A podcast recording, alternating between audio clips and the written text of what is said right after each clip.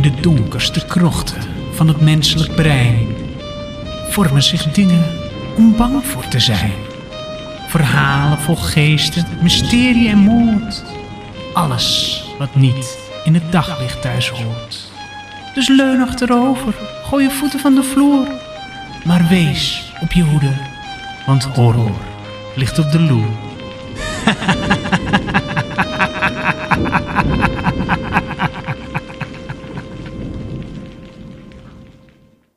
Welkom terug, lieve luisteraars, bij alweer de veertiende aflevering van Hoor Hoor.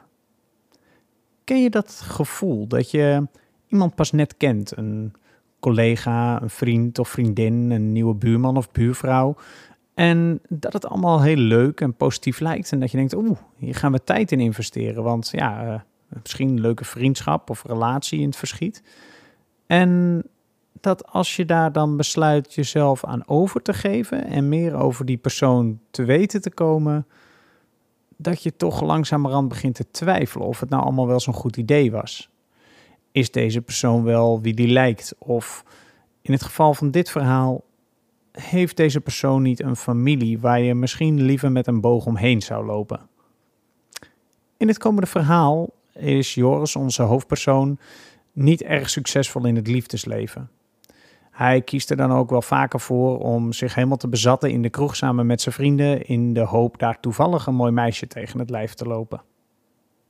In het komende verhaal treft hij toevallig zo'n mooi meisje en daar stopt het niet bij. Hij leert haar wat beter kennen en eigenlijk al op de eerste avond ontmoet hij haar tante.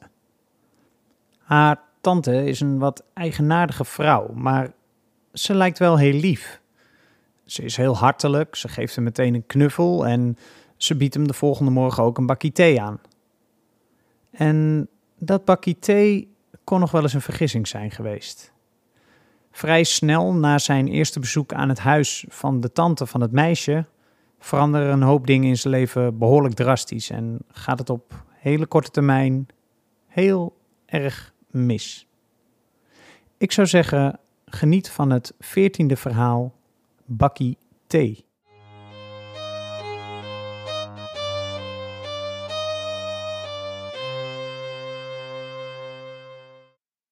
De geur van bier en rook hangt overal om me heen. En mijn arm plakt vast aan de natte bar door alle mogelijke drankjes die er vanavond op zijn beland. Het kan me niet zoveel schelen. Mijn vrienden zijn al naar huis, maar ik moet nog heel even blijven hangen. Ik probeer nog een biertje te bestellen, maar de barvrouw negeert me. Die muziek staat ook veel te hard. Misschien hoort ze me niet. Mevrouw, mevrouw. En dan kijkt ze om. Ik hef mijn lege glas en met mijn andere hand steek ik mijn vinger in de lucht om duidelijk te maken dat ik nog één biertje wil. Dan kijkt ze weer weg. Ze weigert nog een biertje voor me in te schenken. De kroeg loopt langzaam leeg en ik heb veel te veel gedronken. Teleurgesteld zet ik mijn glas neer en staar ik nog één keer naar dat mooie meisje aan de andere kant van de bar. Haar glanzende zwarte haren hangen langs haar wangen tot vlak boven haar schouders. Een felle rode lippenstift accentueert haar lieve lach en stralende witte tanden. Ze lacht terwijl ze haar vriendin een knuffel geeft om afscheid te nemen.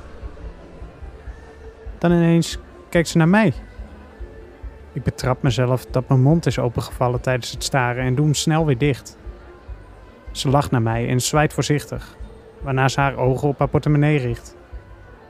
Ik zwaai terug, maar ze ziet het niet meer. Ik moet nu iets doen. Ik zijn de barvrouw nog eens en ik hou mijn portemonnee in de lucht. Nu wil ze me wel helpen. Dat wordt dan 74 euro, zegt ze.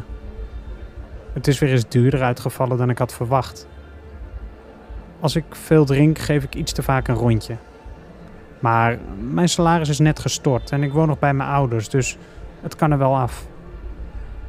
Ik betaal ook wel voor haar, zeg ik nonchalant, terwijl ik naar het mooie meisje aan de andere kant van de bar wijs.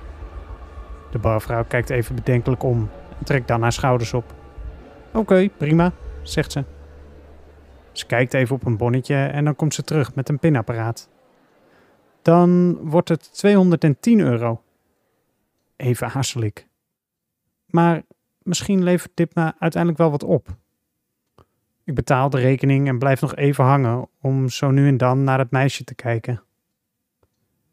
Dan zie ik dat het meisje de barvrouw wenkt om te betalen en de twee raken in gesprek. Lachend kijkt de barvrouw naar mij en ze wijst me aan. Het meisje kijkt me nu ook aan en het is duidelijk dat ze van mijn actie is gecharmeerd. Ik steek mijn hand op en ik geef een vriendelijk knikje. Dan probeer ik zo stoer en zelfverzekerd mogelijk langs haar de kroeg uit te lopen. Als ik mijn jas van de kapstok trek, struikel ik bijna over mijn eigen voeten, maar ik weet rechtop te blijven staan. Nog even maak ik oogcontact en dan loop ik de kroeg uit. Ik ben niet zo goed met meisjes, maar dit is meer dan ik in lange tijd heb bereikt. Gelukkig ben ik mij bewust van dat ik te diep in het glaasje heb gekeken. Als ik nu echt een gesprek aan zou gaan, dan zou ik waarschijnlijk alles verpesten. Daarbij heb ik daar simpelweg de ballen niet voor. Ik weet nooit wat ik moet zeggen en ik begrijp de hints altijd verkeerd. Ik zwalk door de donkere straten op zoek naar mijn fiets. Waar heb ik dat ding toch gelaten? Dan zie ik hem staan. Ik kan me niet herinneren dat ik hem tegen een lantaarnpaal heb gezet, maar misschien heeft iemand hem verplaatst. Ik graai in mijn zak en vis mijn fietssleutel eruit. Twee keer laat ik hem op de grond vallen en vind ik hem met moeite weer terug. Ik probeer hem in het slot te krijgen, maar eh, het lukt niet. Dan hoor ik ineens een stem achter me. Hé, hey, je bent toch niet de fiets aan het stelen, hè? Nee, dit is mijn fiets, roep ik terwijl ik mezelf omdraai en de sleutel laat zien. Ik heb hier de sl... En dan zie ik dat het meisje er staat. Ze is me gevolgd. Ze staat me uit te lachen, maar het is duidelijk dat ze het niet slecht bedoelt. Dus jij hebt een damesfiets? vraagt ze verbaasd. Ik draai me om en kijk nog eens goed naar de fiets. Het is inderdaad niet mijn fiets. Je hebt zeker een slokje te veel op, zegt ze, en ze loopt rustig op me af. Vreemd genoeg vind ik het nu niet meer zo spannend en ik zeg per ongeluk hardop wat ik denk. Ik sta nu toch al letterlijk voor paal. Ze begint keihard te lachen. Als ze eenmaal is uitgelachen, steekt ze haar hand uit. Ik ben Nada. Waar had ik dat aan te danken? vraagt ze. Ik schud haar de hand. Ik ben Joris. Ik, eh. Ik weet niet. Het voelde gewoon goed. Ik vond het heel lief van je, zegt ze dan. En ze geeft me een knuffel. De adrenaline giert door mijn lijf. Een beetje gechoqueerd knuffel ik haar terug. Na een tijdje zwakt de knuffel af en laat ze haar handen losjes om mijn schouders hangen. Haar prachtige donkerbruine ogen kijken me recht aan. En dan kussen me. Ik ben zo dronken dat ik niet alles even goed meer meekrijg, maar ik kan niet ontkennen dat dit me opwindt. Ik kan haast niet geloven wat mij overkomt. En ik weet mezelf nog niet echt een houding te geven. Hoe ga je nu thuiskomen? vraagt ze dan. Ik kijk beteuterd naar de fiets en de sleutel die ik nog steeds krampachtig tussen mijn vingers houd.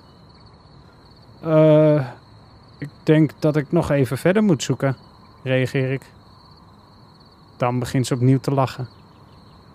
Ik denk niet dat het verstandig is als jij nu gaat fietsen, zegt ze. Je kan wel met mij meelopen. Het wordt alleen maar gekker. Je bedoelt dat ik bij jou slaap? vraag ik. Nada knikt. Kom, het is niet zo ver. Samen lopen we door het holst van de nacht. We kletsen wat en Nada vraagt mij het hemd van het lijf. Ze vraagt hoe oud ik ben, wat ik doe en of ik huisdieren heb, waar ik woon en van alles over mijn familie.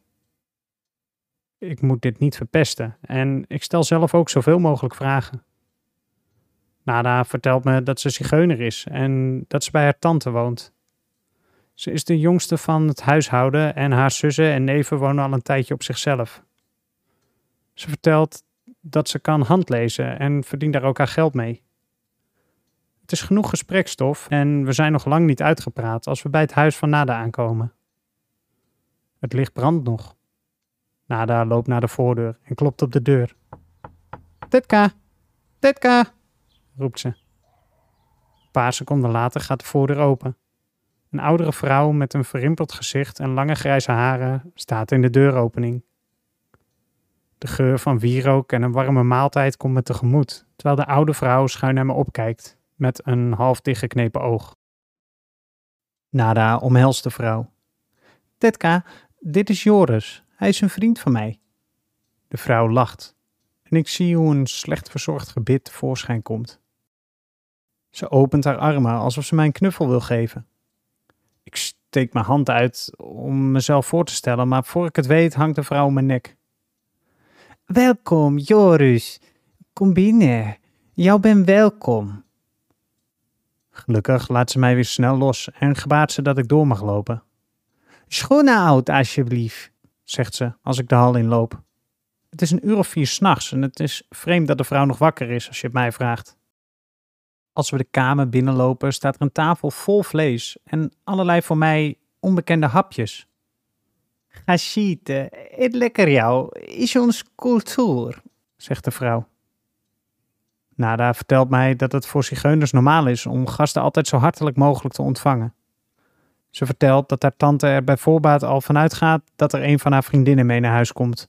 En daarom zet ze altijd eten klaar. Ik heb behoorlijk trek gekregen in een vette hap, dus het komt mij prima uit. Het is voor het eerst dat ik ergens zo hartelijk word ontvangen. En ik doe me te goed aan al het lekkers. Nada en haar tante nemen nog een paar exotische drankjes. En ook ik proef het een en het ander. Het is verschrikkelijk gezellig. Dan ineens grijpt de tante van Nada mijn hand en draait de handpalm omhoog. Hmm, mompelt ze. Jou hebt veel vrienden en jou veel geld. Maar jou bent niet gelukkig. Ik trek mijn hand geschrokken terug. Tetka, stop daarmee, zegt Nada. De vrouw staat op en loopt naar een antieke buffetkast. Ze opent een lade en trekt er een oud pak kaarten uit. Tetka, hij wil dat helemaal niet, zegt Nada. Verbaasd kijk ik wat er staat te gebeuren. De vrouw smijt het pak kaarten op tafel. Het zijn niet zomaar kaarten. Op de kaarten staan geen cijfers, maar afbeeldingen van personages. Op de kaarten staat ook oude tekst, maar die is in een taal die ik niet kan lezen. Onrustig begint de vrouw de kaarten neer te leggen en kijkt mij tussendoor bedenkelijk in mijn ogen. Dan ineens stopt ze en staart naar de kaart die ze in haar hand heeft. Ze begint wat in haar eigen taal te mompelen en ze lijkt in paniek te zijn. Dan begint ze tegen Nada te praten. Ik kan er helemaal niets van volgen. Um, waar is het toilet? vraag ik. De twee stoppen met praten en dan begint de vrouw vriendelijk te lachen, terwijl ze naar de hal wijst. Als ik op het toilet zit, hoor ik hoe de twee lijken te kibbelen. Even twijfel ik of ik niet gewoon naar huis moet gaan, maar dan kan ik het wel schudden met nada. Als het stil in de kamer is, besluit ik weer uit het toilet te komen. Net als ik de kamer binnenloop, komt Nada mijn kant op. Kom, we gaan slapen, zegt ze, waarna ze mij aan mijn schouders weer richting de hal draait en mij de trap op begeleidt. Ik kijk nog achterom en zie hoe de vrouw mij scherp in de gaten houdt en mij met een argwanende blik aankijkt. Dan trekt Nada de deur dicht. Eenmaal boven sleept Nada een matras de kamer in. Ik had gehoopt op een tweepersoonsbed, maar blijkbaar slaap ik op een matras op de grond. Op dit moment krijg ik toch niets meer voor elkaar, denk ik. Zodra ik op het matras ga liggen, val ik als een blok in slaap. Nada, klinkt er van beneden. Nada. Ik open mijn ogen. Het is inmiddels licht en ik kijk op mijn mobiel hoe laat het is. Het is 11 uur in de morgen. Ik voel me een beetje verdwaald als ik wakker word. Ik was me er even niet van bewust dat ik niet thuis sliep deze nacht. Ik heb al mijn kleren nog aan en heb niet eens onder een deken geslapen. Dan zie ik twee blote benen langslopen. Ja, ik kom al, roept Nada. Als ik opzij kijk, zie ik hoe ze snel haar kleren aantrekt en de kamer uitloopt. Ik besluit zelf ook maar op te staan en loop even later ook de trap af. Eenmaal beneden ga ik naast Nada aan de tafel zitten en komt haar tante uit de keuken met thee. Ik probeer snel nog oogcontact met Nada te maken, maar ze lijkt dit te vermijden. De vrouw zet de kopjes op tafel en schenkt het hete water in de kopjes.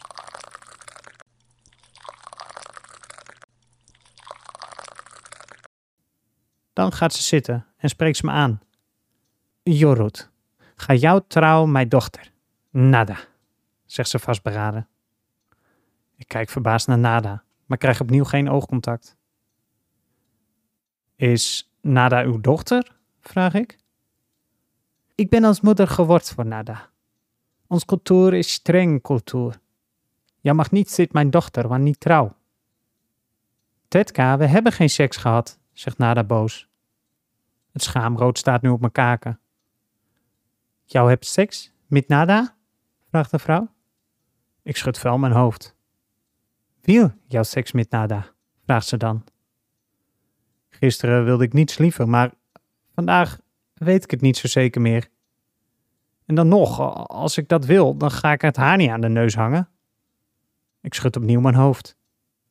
De vrouw leunt naar achteren en kijkt me serieus aan. Ga je al trouw, Nada? vraagt ze opnieuw. Ik kijk naar Nada. Ze knikt voorzichtig naar me. Ik vind haar prachtig en lief, maar ik ken haar helemaal niet. Ik weet pas sinds gisteren hoe ze heet. Ik slik het brok in mijn keel weg.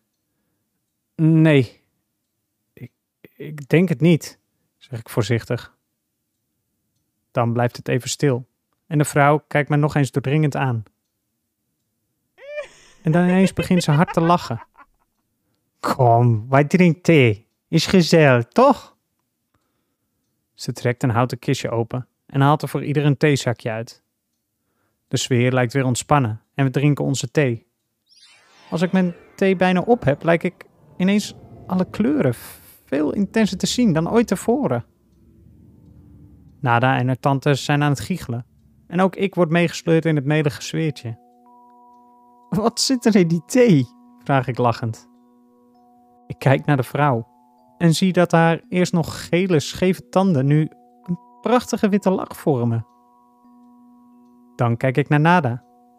Het onmogelijke lijkt te zijn gebeurd en ze is nog mooier en indrukwekkender dan ze al was. Ik voel een intense liefde voor haar en begin spijt te krijgen van mijn eerdere uitspraak. Is dit een liefdesdrankje of zo? vraag ik. Nee, het opent je geest gewoon een beetje. De thee helpt om positief te blijven en zorgt dat je de ware schoonheid van de wereld kunt zien, zegt Nada. Ik heb nog nooit drugs gebruikt, maar dit is ongelooflijk. Een dun strookje wierook danst in het rond om ons heen. En het lijkt alsof er autotune op de stemmen van Nada en haar tante zit, zo zuiver en prachtig. Het tafelblad golft alsof het een rustige zee is bij een zacht briesje. En het hele huis ruikt naar suikerspin. Ik sta op van mijn stoel en loop met grote ogen door de kamer. De muren lijken wel van schuim gemaakt. Ze voelen zo zacht. En het lijkt alsof ik ze in kan drukken. Dan zie ik een gouden hoefijzer aan de muur hangen. Voorzichtig pak ik het hoefijzer vast en ga dan weer zitten. Ik staar naar het hoefijzer. Dat arme paard, zeg ik. Ik kijk op en zie hoe Nada en haar tante mij bezorgd aankijken. Dat is vast omdat zij ook medelijden hebben met het paard. Nu loopt hij waarschijnlijk scheef, omdat hij zijn hoef mist, zeg ik. Dan ineens staat de tante van Nada naast me en ze grijpt het hoefijzer vast. Heeft u dat hoefijzer van het paard gehaald? vraag ik verdrietig terwijl ik stevig het hoefijzer vasthoud. De vrouw begint harder en harder aan het hoefijzer te trekken. Als ik het loslaat, valt de vrouw achterover en laat ze het hoefijzer vallen. Het wordt donker in de kamer en het voelt alsof het regent. De ogen en monden van zowel Nada als haar tante worden enorm groot en ze beginnen in een vreemde taal tegen me te schreeuwen. Ik vlieg van angst de deur uit en probeer mijn weg naar huis te vinden. Als ik onderweg kalmer word, verdwijnt de regen en wordt het langzaam weer lichter. Alles lijkt weer normaal te zijn. De thee begint nu zijn werking te verliezen, gelukkig. Mijn kleren zijn volledig droog, dus ook de regen moet een hallucinatie zijn geweest. Als ik ongeveer een uurtje thuis ben, krijg ik een appje. Het is nada. Zo te zien heeft ze zichzelf een appje gestuurd met mijn telefoon, zodat ze ook mijn nummer heeft. hey, hoe gaat het? staat er. Ik reageer. Al een stuk beter. Ik denk dat ik niet helemaal lekker ging op die thee. Dan zie ik dat Nada aan het typen is. En ik wacht geduldig af. Haha, ja, dat zag ik. Ik hoop dat je niet te erg bent geschrokken van mijn tante. Ze is nogal traditioneel en ze is bang dat ik rare dingen doe. Zijn we nog oké? Ze denkt blijkbaar dat ze het bij me heeft verpest. Ja, we zijn nog oké. Maar vind je tante het ook oké als we elkaar blijven zien? Waarom werd ze zo boos om dat hoefijzer? Opnieuw zie ik dat Nada lang aan het typen is. En dan komt het bericht aan. Wij geloven dat een hoefijzer aan de muur geluk brengt en kwade geesten afschrikt. Maar als je een hoefijzer omdraait of als hij valt, dan valt het geluk eruit en kunnen kwade geesten het huis in. De thee opent je geest en dat is heel goed, maar als je geest open staat en er een kwade geest in de buurt is, dan kunnen ze zich aan jou gaan hechten. Ik vind dit allemaal maar een beetje onzinnig en reageer. Ik ben niet zo bang hoor voor kwade geesten. Ik kan ze wel hebben. Opnieuw reageert Nada lachend. En we appen ongeveer de hele dag door. Ik denk dat ik verliefd ben en volgens mij is het eindelijk een keertje wederzijds. We hebben het nog over de vreemde kaarten en ik vraag Nada wat haar tante in die kaarten had gezien. Nada vertelt me dat de kaarten haar tante zouden hebben verteld dat ik de familie ongeluk zou brengen. Omdat ze eerder in mijn hand al had gelezen dat ik niet gelukkig was, schrok ze nogal. En toen ik het hoefijzer vasthield, toen werd het er allemaal een beetje te veel. Nada vertelt dat haar tante een verschrikkelijk goede waarzegster is. Maar dat ze de laatste jaren wel eens iets verkeerd interpreteert. Het probleem is dat ze zich dan volledig aan die aanname vastklampt en zich soms wat paranoïde gaat gedragen. Meestal trekt ze al snel weer bij en is er niets meer aan de hand. Om een uur of elf besluit ik te gaan slapen en ik zeg Nada wel te rusten. Dan krijg ik een appje terug. Mijn tante zegt sorry en ze staat erop dat ik dit advies naar je doorstuur. Ik ben blij dat de tante weer is bijgedraaid en ik wacht nieuwsgierig af wat het advies zal zijn. Ze zal me waarschijnlijk weer gaan adviseren om met Nada te trouwen, maar dat gaat voorlopig zeker nog niet gebeuren. Dan komt het berichtje binnen. 1. Kijk na 12 uur niet meer naar je eigen spiegelbeeld, tot de zon weer op is. 2. Blijf schoon, zodat er niets aan je blijft plakken. 3. Als je iets geks ziet, negeer het. Dit moet je een week volhouden voor het geval zich toch een kwade geest aan je heeft gekoppeld. Ik moet lachen, maar besluit respectvol te reageren. Ik zal mijn best doen. Bedank je tante maar voor het advies. Dan sluiten wij beiden het gesprek af met een kussende emoticon. Ik val al snel in slaap, maar ik droom onrustig. Steeds weer droom ik over het huis van Nada en haar tante. De hallucinaties lijken ook steeds terug te komen. De wierook danst om ons heen en ik ruik het, alsof ik er weer middenin zit. Ik droom iedere keer hetzelfde stukje en steeds eindigt het met het hoefijzer wat op de grond valt, waarna Nada en haar tante opnieuw enorme ogen en een enorme mond krijgen en in een vreemde taal tegen me beginnen te schreeuwen. Af en toe word ik wakker, maar als ik zie dat het nog donker is, sluit ik mijn ogen weer. Tot ik mijn ogen open en het licht is. Ik stap uit bed en stap onder de douche. Na het douchen twijfel ik nog even of ik wel in de spiegel moet kijken om mijn haren te doen. Maar dan herinner ik mij dat dit alleen s'nachts zou gelden en ik realiseer me dat het toch allemaal maar bijgeloof is. Ik maak me klaar om naar mijn werk te gaan en even later zit ik in de trein onderweg naar mijn werk. Ik zit rustig een krantje te lezen als ik de deur open hoor gaan. Vervoersbewijzen alstublieft, klinkt er achter mij. Ik leg mijn krantje opzij en ik pak mijn OV-kaart uit mijn portemonnee. Ik pak mijn krantje weer en ik lees nog even verder terwijl de conducteur dichterbij komt. Als ik zijn voetstappen naast mij hoor en zie dat de mensen aan de andere kant van het pad hun kaartje afgeven, steek ik mijn kaartje uit terwijl ik rustig verder lees. Zo heb niet gecheckt. Hoor ik naast me. Geschrokken kijk ik opzij. U heeft niet ingecheckt, zegt de man. Oh, Eh, ik dacht van wel, reageer ik. De man besluit mijn fout door de vingers te zien en draagt mij op de volgende keer beter op te letten bij het inchecken. Ik schrik als de conducteur begint te lachen. Ineens zie ik die tanden van Nada de tante weer. Maar zonder een woord te zeggen loopt de man door en ik blijf in ongeloof achter. Wat was dat dan? Eerst die stem, toen dat gebit. Het moet die thee zijn. Ik hallucineer waarschijnlijk nog. Ik denk weer terug aan het advies van de vrouw. Als ik gekke dingen zie, moet ik het negeren. Ik denk dat dat me wel redelijk is gelukt. Dit stukje advies is dus niet voor niets geweest. Misschien is ze zich bewust van het feit dat de hallucinaties soms nog even blijven hangen. Ik stuur Nada een appje. Ik maak net zoiets raars mee in de trein. Is het normaal dat ik zo nu en dan nog hallucineer?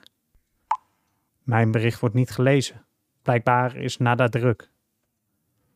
Na mijn werkdag ga ik nog wat eten en doe ik een borrel met mijn collega's. Dan ga ik weer richting de trein. Het is al laat en ik zit op een stil perron op de laatste trein te wachten. Het is maandagavond en er zijn maar weinig mensen die zo laat nog de trein pakken. Ik check nog even mijn appjes, gezien ik dat de rest van de dag nog niet gedaan heb. Ik zie dat Nada heeft gereageerd. Nee, dat is niet normaal, lees ik. Maar ze schrijft nog meer. Heb je het wel genegeerd? Dat is heel belangrijk. Als de geest ziet dat je van hem schrikt, blijft hij bij je. Hallo? Joris? Reageer even. Gaat alles wel goed? Een geest? What the fuck? Ik moet maar snel reageren, want ze maakt zich duidelijk ongerust. Ik stuur haar een appje terug. Hey, Nada. Ja, alles gaat goed hoor. Ik had een borrel met mijn collega's. Sorry dat ik niet reageerde. Ja, volgens mij heb ik het genegeerd. Gespannen kijk ik naar mijn mobiel, tot de twee vinkjes van mijn bericht blauw kleuren. Ik verwacht dat ze een bericht terugstuurt, maar in plaats daarvan belt ze me. Ik neem de telefoon op. Joris, je moet goed luisteren, begint ze gespannen. Je hebt last van een fixno. Je moet alle gekke dingen negeren, anders blijft hij aan je vastzitten. Fix wat? reageer ik. Een fixno. Zo noemen we een geest die aan je vast probeert te houden door de dingen die je hebt meegemaakt. De geest gebruikt de dingen die je hebt meegemaakt vlak voordat hij zich aan jou heeft gekoppeld, om je bang te maken. Ik wil dit niet geloven, maar na alles wat ik heb meegemaakt, lijkt het wel alsof Nada gelijk heeft. Ik kan niet meer, zegt ze dan. Kan niet meer? Uh, wat bedoel je? Kijk eens naar links, zegt ze dan. Ik kijk naar links. Ver achteraan het perron zie ik iemand staan met een telefoon aan haar oor. Nada? vraag ik. Ben jij dat? Wat, wat doe je hier? Blijf stil aan de andere kant van de lijn. Ik zie hoe Nada langzaam naar de rand van het perron loopt en hoe de lichten van een trein haar naderen. Nada, wat doe je? roep ik. En dan laat ik mijn telefoon vallen en ik ren op haar af. Ik zie hoe ze haar telefoon uitdrukt en deze op het spoor gooit. Ze steekt haar voet boven het spoor en kan zichzelf ieder moment op de rails van de trein laten vallen. Ik ren zo hard ik kan op haar af om haar te stoppen. En dan trekt ze ineens haar voet weer terug en blijft ze staan. Buiten adem kom ik bij haar aan. Nada, wat was dat? Wat is er allemaal aan de hand? Nada staat voor zich, naar de trein die met een rotgang voorbij stuift. En ze zegt niets. Dan kijkt ze opzij en begint ze te lachen. Het zijn die tanden weer. Je bent geschrokken, hè? Hoor ik de stem van haar tante zeggen op een vreemde, diepe toon. Ik schrik zo erg dat ik een paar stappen achteruit zet en bijna omval. Ik weet mezelf aan de plakkerige rand van een vuilnisbak vast te pakken en de val te voorkomen. En ineens is ze verdwenen. Shit! Ik kijk naar de plek waar ik mijn mobiel heb laten vallen en zie dat het scherm nog licht geeft. Ik trek opnieuw een sprintje en pak mijn telefoon op. Nada? Nada is volledig in paniek en vraagt me wat er is gebeurd. Ik leg eruit wat er zojuist is gebeurd en dat maakt de situatie niet beter. Shit, Joris, je hebt het dus niet genegeerd?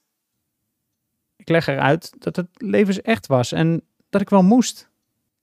Je wist toch dat ik daar niet kon staan? Die fixnotes zijn slim. Je moet er niet intrappen.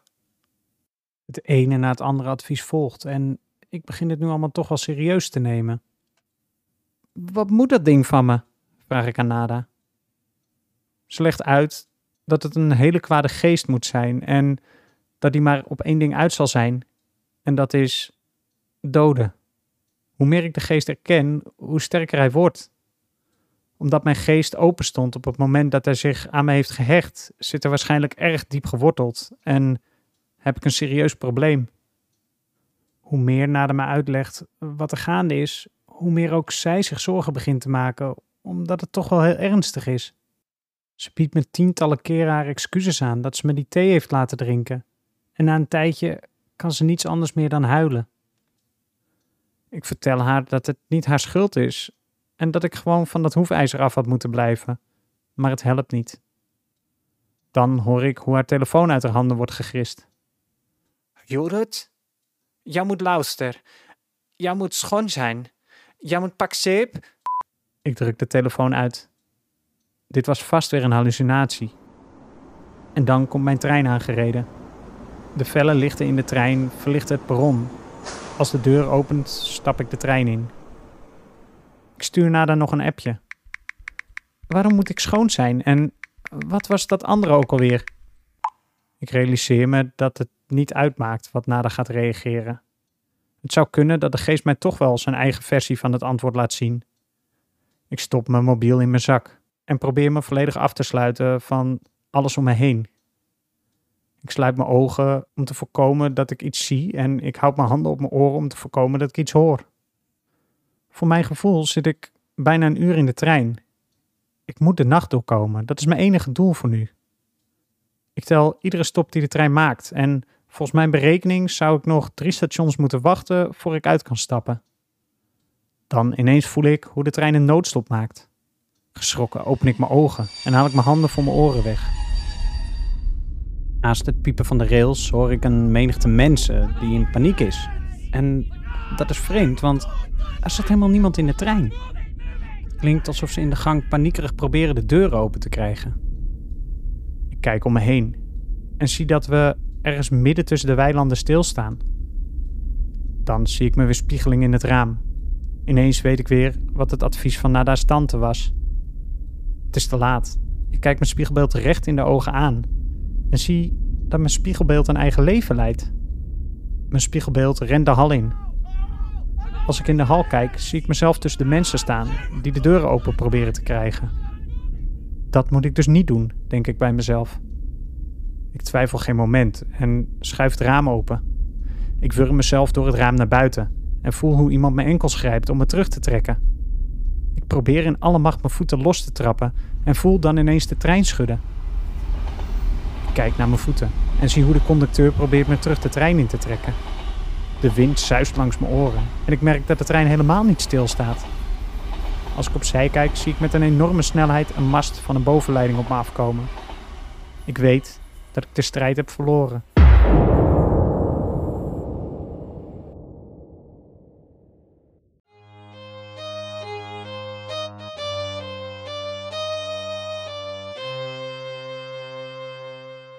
Dat was dan de veertiende aflevering, Bakkie Thee.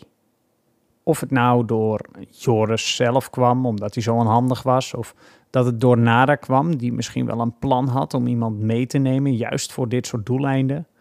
Of dat het aan de tante van Nada lag, die gewoon het vermoeden had dat er iets niet klopte tussen die twee. Dus hm, daar ga ik eens even een stokje voor steken. Dat soort vragen die blijven natuurlijk in het midden bij zo'n verhaal. In de realiteit zou je ook niet weten wat dan uiteindelijk de reden is dat die dingen zijn gebeurd. Wat wel duidelijk is, is dat Joris de strijd met de geest wel degelijk heeft verloren. Hij heeft geprobeerd om de adviezen op te volgen, maar soms is dat niet genoeg. En soms is je natuurlijke instinct sterker dan je aangeleerde gedrag. Heb jij nou ook wel eens zoiets meegemaakt dat je iemand hebt leren kennen en dacht dat het allemaal leuk en aardig was, misschien wel een date, en dat het achteraf toch wel een behoorlijke tegenvaller bleek te zijn met een wat creepy tintje? Laat het me dan weten via Instagram, horrorpot. Ik heb weer uh, via Spotify op mijn uh, Q&A weer reacties gekregen door uh, Biertje010 en door Luca opnieuw. Dank jullie wel daarvoor. Altijd fijn als de luisteraars contact opnemen. Ik ben ook via Instagram weer benaderd. Dit keer door drie luisteraars: Roy, Lise en Talita twee van hen die lieten mij ook weten dat ze een voorstel hadden, of in ieder geval een idee. Uh, op het moment dat ik dit opneem, is het nog even spannend, want ik heb gisteren gereageerd op Lise, maar ik heb haar ingeving nog niet gehoord. Dus uh, Lise, als je dit hoort en je hebt nog niet gereageerd tegen die tijd, laat het me weten via Instagram. Ik ben heel benieuwd naar je plan. Het verhaal wat Talita graag zou willen horen, waarvan zij graag wil dat ik er een verhaal over schrijf, dat is toevallig in hetzelfde thema als waar ik op de achtergrond al even mee bezig was. Uh, er zit namelijk over een tijdje een special aan te komen die uh, ja, daar misschien wel wat op gaat lijken. Maar die special hebben we, omdat ik daar een kleine crew voor heb moeten samenstellen, even op de lange baan moeten schuiven. Want ja, er zijn mensen met drukke levens, ja, en dan uh, heb je wat meer tijd nodig soms. Dus dat komt op de lange baan. Maar het verhaal van Talita ben ik al aan het beginnen te schrijven. En dat wordt de 17e aflevering, als ik het goed zeg. Of misschien zelfs de 16e. Maar ja, goed. Ik heb ook niet altijd alle feitjes op een rij. Als je nog ideeën hebt, laat het me weten. Zoals ik eerder al een keer heb laten horen, ik heb echt een shitload aan uh, concepten staan voor verhalen. Maar ik ben erachter gekomen dat ik het stiekem veel leuker vind om verhalen van andere mensen tot leven te wekken. Ik probeer van mijn eigen concepten de wat betere verhalen wat naar voren te trekken, want ik had er een stuk of 60. Um, en dan hoop ik eigenlijk dat ik op den duur vooral op verzoek kan gaan schrijven. Want eigenlijk vind ik dat het leukst. Dat geeft wat meer contact tussen mij en de luisteraar. En ja, ik weet niet. Dat, dat, dat heeft wat. Dat vind ik leuk. Dus uh, heb je ideeën, laat het me weten. Ik zou zeggen, uh, ja, kalm aan. Hou je rustig twee weken. En wees op je hoede want horror ligt op de loer.